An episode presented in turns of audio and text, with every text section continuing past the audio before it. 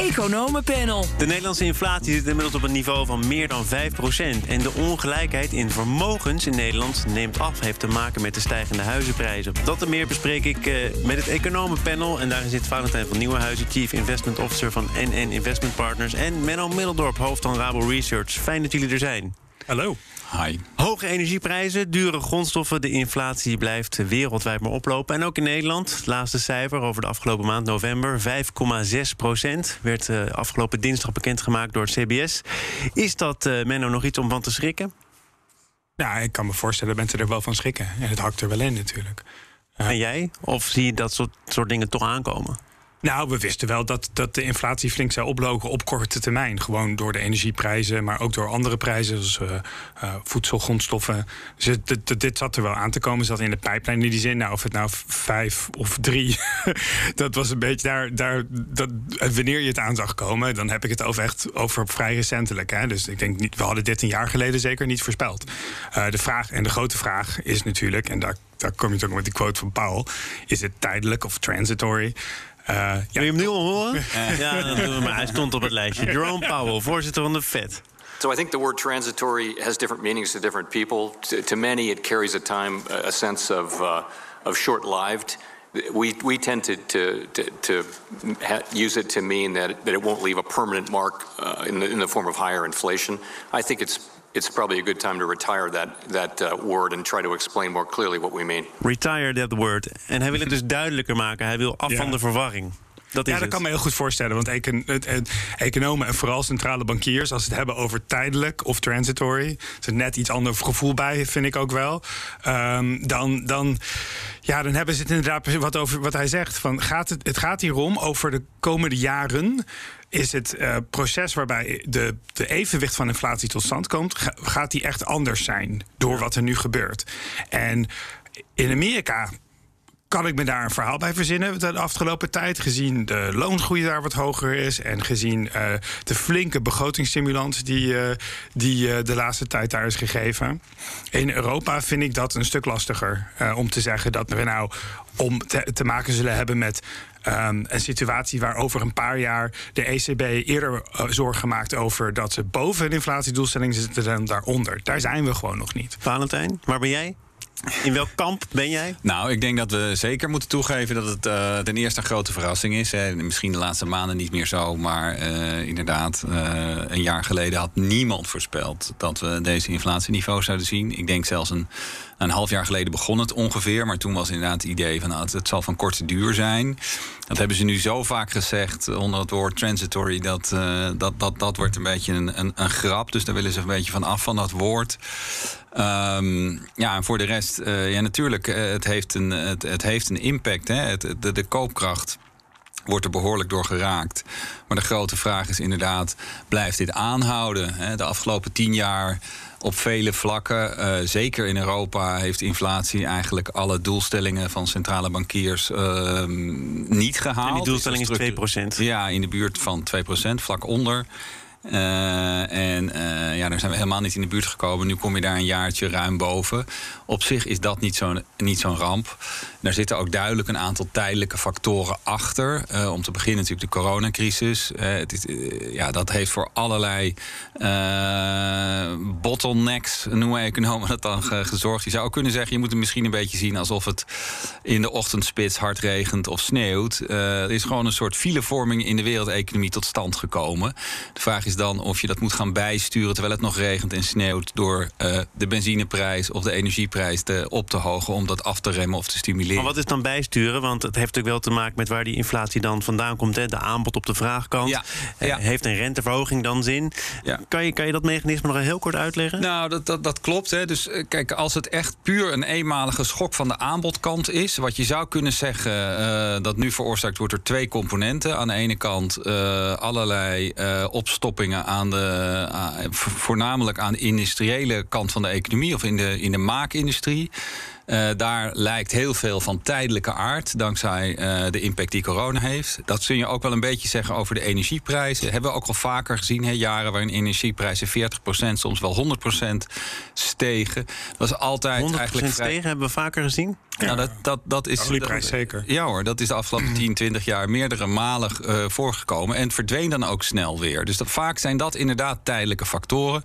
De grote vragen nu, denk ik, zijn inderdaad: blijft er iets hangen aan de wat echt te maken heeft met oververhitting? En dan moet je meer kijken naar, denk ik twee hele belangrijke sectoren in de economie.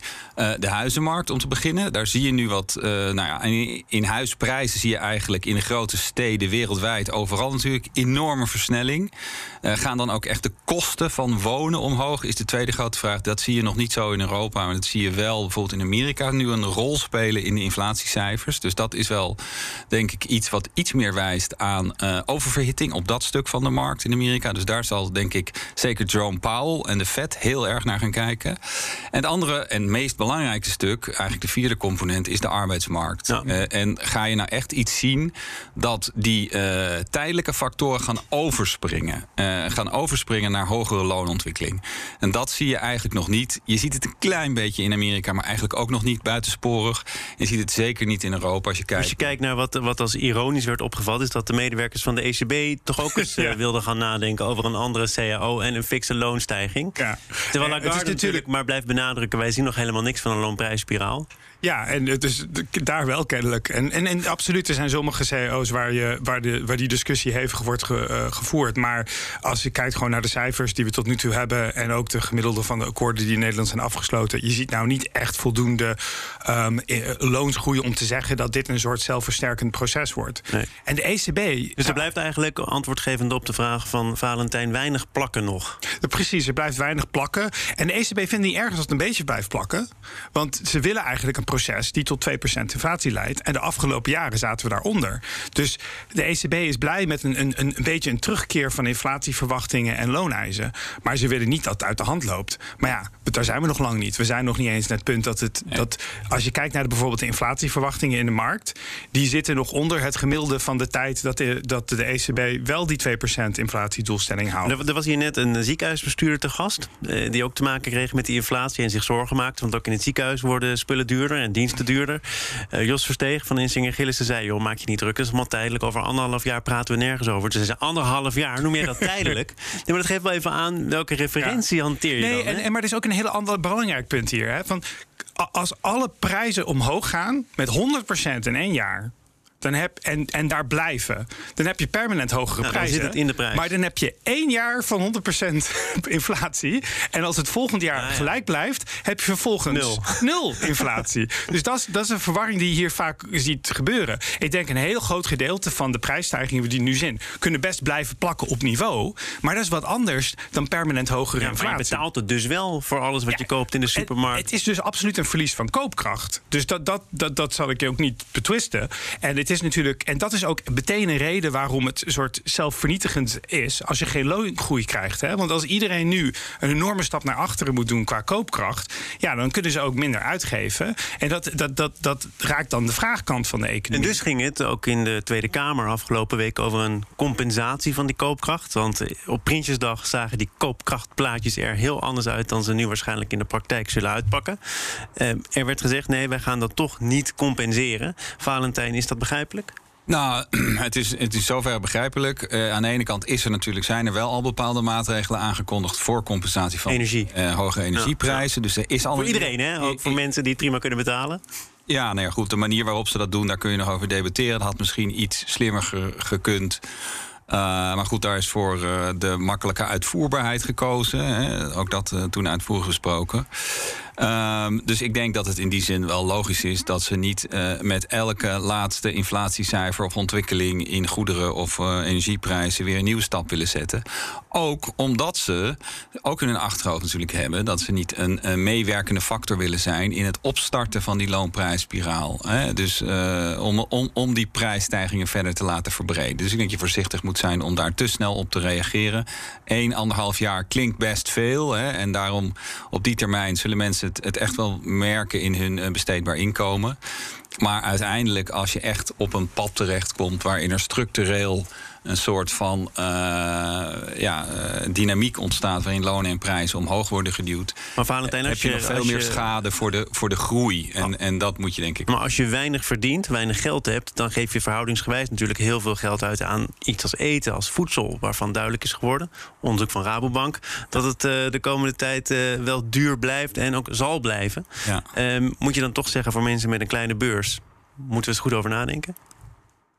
Nou ja, ik vind het. Uh, ik, ik denk dat je voor mensen met een kleine beurs, als je wat aan inkomensbeleid wil doen, kun je daarover nadenken. Maar dat moet eigenlijk losstaan van uh, je reactie op inflatie. Hè. Ook omdat je. Dus, dus als je daar beleid op wilt voeren, inkomensbeleid, nou ja, dat is een politieke keuze. In, tegen een achtergrond waarin de laatste 20, 30 jaar reële inkomens uh, zeker niet veel zijn gegroeid, is het misschien niet eens zo slecht als daar iets meer een opwaartse trend in terecht komt. Maar het is een heel, heel fragiel pad, omdat je dus niet een, uh, een, een, spiraal in uh, wil aanwakkeren. Dus je moet daar denk ik in ieder geval niet te ad hockerig op reageren en gewoon langetermijn beleid op formuleren. Menno? Nou, ik, ik, ben minder bang dat. Ik vind, we kunnen best wel een spiraal met een hellingshoek van 2% omhoog hebben. Hè. Dat is eigenlijk ook wat de ECB wil. We willen loonsgroei die compenseert voor structurele inflatie. Um, dat hebben we eigenlijk in Europa nou niet echt gehad de afgelopen decennium. En het zou best gezond zijn als, als, dat even, als we naar een evenwicht gingen waar je quote-unquote normale loonsgroei hebt en normale inflatie. Uh, als, het, als, het, als we dreigen door te schieten naar de bovenkant, moet dan is het eigenlijk vooral de verantwoordelijkheid van de ECB om daar wat aan te doen. Die hebben daar ook de middelen voor. Ja, daar zijn, daar zijn we nog niet. En wat betreft uh, Nederland moeten we. Ja, we hebben al jaren in Nederland een heel. Uh, een heleboel gereedschap voor het managen van inkomens. Als we dat willen, en nogmaals, helemaal eens, politieke keus kunnen we dat? Um, en dan zou ik inderdaad vooral kijken aan de onderkant van de inkomensverdeling. Want ja, daar, um, daar is denk ik de politieke um, argumenten zijn het sterkst. En voor de rest, ja, die loonsgroei moet een beetje op gang komen. En dan krijg je ook een brede uh, compensatie. We gaan naar het managen van inkomens en vermogens. Naar uh, de laatste cijfers van het uh, CBS. Zaken doen. De gast is het economenpanel vandaag met Valentijn van Nieuwenhuizen, Chief Investment Officer van NN Investment Partners en Menno Middeldorp, hoofd van Rabo Research. De vermogenskloof tussen rijk en arm is tussen 2015 en 2020 afgenomen.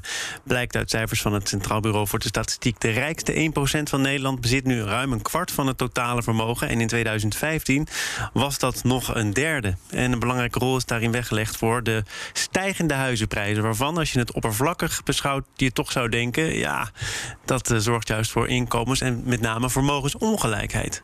Ja, vooral voor vermogensongelijkheid. Ja, hè? Omdat, uh, maar goed, wat, wat dan een beetje uh, verrassend is aan die uitkomst, is dat uh, soms wordt vergeten dat 60% van de bevolking uh, huiseigenaar is. En dat een groot deel daarvan eigenlijk voor het overgrote deel van zijn vermogen. Uh, eigenlijk, je zou kunnen zeggen, dat huis op de balans heeft staan. Dus na die grote huizencrisis in 2008, 2009, die een aantal jaren heeft geduurd, is dat allemaal flink afgekomen. En dat was eigenlijk het enige uh, potje vermogen wat heel veel Nederlanders op hun balans hadden staan. Dus daar gingen ze eigenlijk in achteruit. Terwijl meer vermogende Nederlanders vaak ook nog een pot met spaargeld, uh, wellicht een belegging in Iets aandelen of obligaties hadden. Ja. Bij wie dan ook. Hè? Misschien een mooie spaarrekening bij de Rabo. Ik weet het niet. Maar uh, die hadden gewoon een wat bredere, uh, je zou kunnen zeggen, opgebouwde uh, vermogensportefeuille. En die werden dus relatief minder hard geraakt. En, en dat is eigenlijk een beetje de laatste zeven jaar of zo uh, teruggedraaid. En gaat dan een beetje tegen je gevoel in. Dus de context is hier zoals wel vaker eh, alles bepalend? Ja, de context is alles bepalend. Ja, dat is een beetje ja, dooddoener. Maar goed. Maar, eh, maar uh, ik denk het belangrijkste is dat vermogen... juist voor, laten we zeggen, de onderste helft... of onderste twee derde van uh, de mensen die vermogen hebben... over het overgrote deel bepaald wordt... door de waarde van hun woning, van ja. hun huis. En, dus als de huizenprijzen weer gaan stijgen... dan kunnen we nu ook al ervan uitgaan... dat dan de vermogensongelijkheid weer toeneemt. Als ze dalen. Ja. Oh, pardon. Uh, als, ja, dalen. als, ze weer oh. zouden dalen, zouden ze in dit soort statistieken weer toenemen. Uh, ja, dat, dat is zo. Um, neemt niet weg dat natuurlijk er nu wel een, een hele specifieke situatie is ontstaan ten opzichte van de mensen die helemaal geen vermogen ja, hebben en helemaal huis. geen huis bezitten. Nee. Want die, Die kloof is toegenomen. die kloof neemt toe omdat eh, zowel eh, zij niet mee profiteren van die stijgende huizen. eh, en vaak ook geen ander vermogen hebben in de vorm van spaargeld. Ja. Of zeer beperkt. Laat staan andere beleggingen. Ja. Dus die kloof van die 40% die geen huiseigenaar is, die neemt toe. En dus ik denk dat het gemiddelde een beetje verrassend is. Dat, en daarmee wellicht ook een beetje verhult dat er wel degelijk toenemende ongelijkheid is op vermogens. Ja. Maar dan voor het gedeelte wat Krijg- geen huis bezit ten opzichte van de welhuisbezitters. Ja, het ligt een beetje welk als je het inderdaad bekijkt. Eh, het is hier de, de middengroep qua, qua vermogen die inhaalt op de toppers. maar inderdaad, als je geen huis hebt... of als je zelfs in een huurwoning zit in de private sector... dan betaal je vaak een hele grote huur. is het heel moeilijk te sparen. Blijkt ook uit onderzoek die we zelf hebben gedaan eh, bij Rabo. Ehm, en ja, die, die zitten dus qua vermogensontwikkeling best wel knel. De, juist die specifieke groep. Daar heb je het vaak over jonge mensen... die niet in sociaal huur zitten, maar in die, eh, die vrije sector. Ehm, die vinden het heel moeilijk om vermogen op te bouwen. Ze krijgen geen toegang tot de huizenmarkt... en ze kunnen ook niet echt goed sparen... omdat ze heel veel aan huur uitgeven. Moet je iets doen aan eh, belastingen? Bijvoorbeeld een groot interview afgelopen weekend met Bas Jacobs, ook lid van dit economenpanel. Ons belastingstelsel is zo rot als een mispel. Eh, als het precies gaat over die huizen, heeft de Nederlandse bank volgens mij een tijdje terug al voorgesteld om overwaarde te gaan belasten. Ehm, als je dit allemaal zo beschouwt, is dat dan een goed idee? day Ik denk dat je zeker eh, aandacht moet hebben voor vermogensongelijkheid in Nederland. Ehm, afhankelijk van het, het, eh, hoe, hoe slecht het staat met vermogensongelijkheid in Nederland... is een beetje afhankelijk van eh, of je kijkt naar pensioenen of niet. Of je dat meeneemt ja. in de berekening. Dus hier wordt daar niet... eh, Dat is ook de vraag, of zie je dat als vermogen van een persoon... of is dat een of ander inkomens, zeg maar, Nou, dat moet je steeds meer als je eigen individuele potje gaan Ja, zien. dus je zou, Nou ja, het is, wel zeker reëel om het mee te nemen. Hè. Dus het mist vaak een beetje in de plaatjes. Zeker als je internationaal gaat vergelijken... hebben naast eh, eh, een woning, 60% waar we het net over hadden... eh, het overgrote deel van de Nederlanders, niet iedereen... Dank u zeer. Eh, nou ja, niet, niet, hè, dus veel mensen die als ZZP'er of, of, of voor zichzelf werken, hebben dat minder. Maar die hebben ook een behoorlijk opgebouwd pensioen. Wat in, in veel andere landen een stuk lager is. Wat natuurlijk wel degelijk vermogen is. Wat ook in de toekomst weer geconsumeerd kan worden.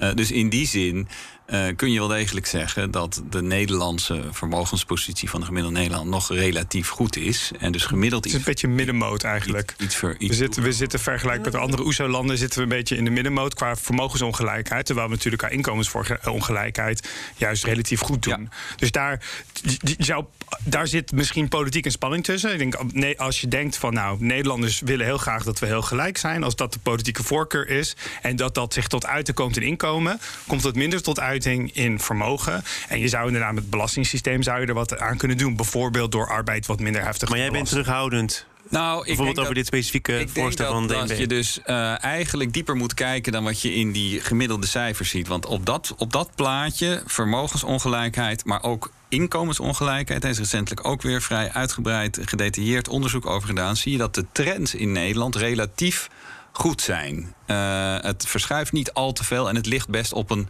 op een goed niveau. Dus internationaal staat dat er best wel goed voor. Maar dat is helemaal niet hetzelfde als te zeggen dat er niet bepaalde groepen zijn. Of je het nou hebt over ZZP'ers of als je het hebt om mensen die geen huis bezitten. Die wel degelijk achterop raken ten opzichte van de rest van Nederland. Ik denk dat dat de groepen zijn waar dit het meest voor speelt. En als je dan nadenkt over eventueel of het nou inkomenspolitiek is of eh, bepaalde belastingmaatregelen, moet je daar denk ik naar kijken. We gaan nog heel kort eh, naar eigenlijk dit onderwerp. Namelijk het nieuws dat de helft van alle Nederlandse huishoudens financieel kwetsbaar is. Dat blijkt uit onderzoek van Deloitte, Nibud, ING en de Universiteit Leiden. Deden een rondgang onder 5000 huishoudens met vragen over hun houding en gevoelens ten opzichte van sparen, lenen en plannen. Ja, misschien wordt het Menno meteen al heel psychologisch voor het economenpanel. Want de conclusie is ook dat plannen erg ingewikkeld is. Over het algemeen overschatten mensen hun inkomen en onderschatten ze hun uitgaven. Ja, nee, ik denk, eh, het is natuurlijk ook psychologie. eh, of je wel of niet eraan toe komt om. ehm, eh, mensen zijn niet een soort. Economische eh, rekeneenheden die, die, of rekenkundigen die, die dit allemaal precies vooruit plannen. Daarom toch, het- jij toch wel? Wat? Nou, ik ook zelfs niet. Ja, Valentijn ik, wel. Mensen zijn toch niet zoals economen denken dat ze zijn. Of ja, in ieder geval planners. aannemen in sommige modellen. We zijn er steeds meer achter als economen. eh, Zeg maar 100 jaar later dan de rest van de wereld. Maar goed, we komen er. En ehm, wat we nu. wa- wa- wa- Dus dit is in die zin geen verrassing. eh, dat De helft als je tot van niet- alle Nederlandse huishoudens, De helft vind ik. Dat is afhankelijk van een hele specifieke methodiek. Waar zij denk ik wel kijken naar de juiste dingen. Maar waar je dan precies die cut-off zegt om het helft of, of minder is. Maar als ik kijk naar de onderliggende cijfers, hè, waar ze, dan, dan zie ik heel veel dat overeenkomt met onze eigen onderzoek bij Rabo. Dat ook laat zien dat in ieder geval aanzienlijk deel van de bevolking um, te weinig um, uh, spaart. Bijvoorbeeld, wij, wij zien dat. We zijn toch zo'n spaarlustig volkje? Of uh, kan nou, dat bij het ja, wel? Het ligt eraan. Uh, um, als je naar die pensioenen kijkt, wel. Ja, maar dat is verplicht. Ja, dat precies. Zijn, dus als, op die manier sparen we. Als land zijn we natuurlijk een gigantisch spaar, spaarzuchtig volk. We hebben een enorme overschot aan besparingen. Uh, ja, uh, de overheid, maar niet als Nederlanders. Ja, nou ja, goed. Uh, wat vind jij dan? Jij hebt daar denk ik ook wel zicht op. Sparen ja, mensen ik, te ik vond dit een mooi onderzoek. Het was geloof ik van, van, van de Lloyd die dat gedaan had. En het geeft denk ik voor een deel inderdaad de psychologie weer. Hè. wordt gevraagd hoe mensen er zelf tegenaan kijken. Ik denk dat je er zeker een aantal dingen uit kunt halen. Wat ik nog wel... Uh, denk dat heel waardevol zou zijn, is als je dit ook wat meer historisch zou kunnen bekijken. Dus dit onderzoek hebben ze nu voor het eerst gedaan. Ja, hoe evolueert dit nou door de tijd heen? Dat is één. En het tweede, ik denk dat een aantal van de constateringen hadden we wel enigszins van tevoren kunnen bedenken. Mensen houden niet zo van plannen, zijn wat meer op de korte termijn georiënteerd, overschatten bepaalde zaken, hun inkomen of vermogen en andere zaken onderschatten ze namelijk, hun uitgaven. En hoe je daar nou mee om moet gaan, hè, hoe kan je dat dan, dus je constateert nu een aantal zaken, maar uh, een aantal handvatten hoe je dan daadwerkelijk mensen verder kunt helpen om dat wel te doen. Dat lijkt Doen mensen niet omdat ze het saai vinden? Of nou, omdat het. is ook complex natuurlijk. Uh, het vraagt ook wat van jezelf, dat je vooruit kijkt naar je, de, over die termijn. Dus mensen zijn vaak nu bezig met andere dingen. Ik had het net met een van de economen over, over die zelf dus veel onderzoek ook doet op dit terrein. Uh, en bijvoorbeeld ook concluderen uit, uit, haar onderzoek, het Carlijn Prins, waar ik het nu over heb, die, uh, die, dat, dat een kwart van de mensen eigenlijk te weinig spaargeld heeft voor, volgens die Nibud buffer. Ja. Hè? Dus dat je je wasmachine kan vervangen en dat soort dingen. En ja, dat komt ook omdat. en dan als ze aan gaan sparen, dan zie je bijvoorbeeld bijvoorbeeld dat er, het blijkt nu uit het onderzoek dat wij vorige week hadden gedaan, dat een kwart van uh, de jongeren in crypto's belegt. Ja. En we hadden het, waarom is dat dan? Nou, en ik denk een van de redenen zou kunnen zijn dat mensen gewoon heel erg gefocust zijn. Nou, ik wil toegang tot die huizenmarkt hebben. En ik moet eigenlijk nu een stukje vermogen hebben om, om die, die brug te kunnen bouwen naar mijn eerste huis. En dan kijk ik wel verder naar, naar, naar de lange termijn en wat ik daarna kan doen. Want de, de, de uitdagingen financieel op korte termijn zijn er al gewoon. En daar focus je dan ten eerste op. Ik moet kijken naar de hele korte termijn. Dus jullie bedanken. Okay. Mijn excuses. We praten dan volgende keer verder. Menno Middeldorp, hoofd Rabo Research en Valentijn van Nieuwenhuis, Chief Investment Officer van NN Investment Partners. Dank voor jullie bijdrage aan dit panel.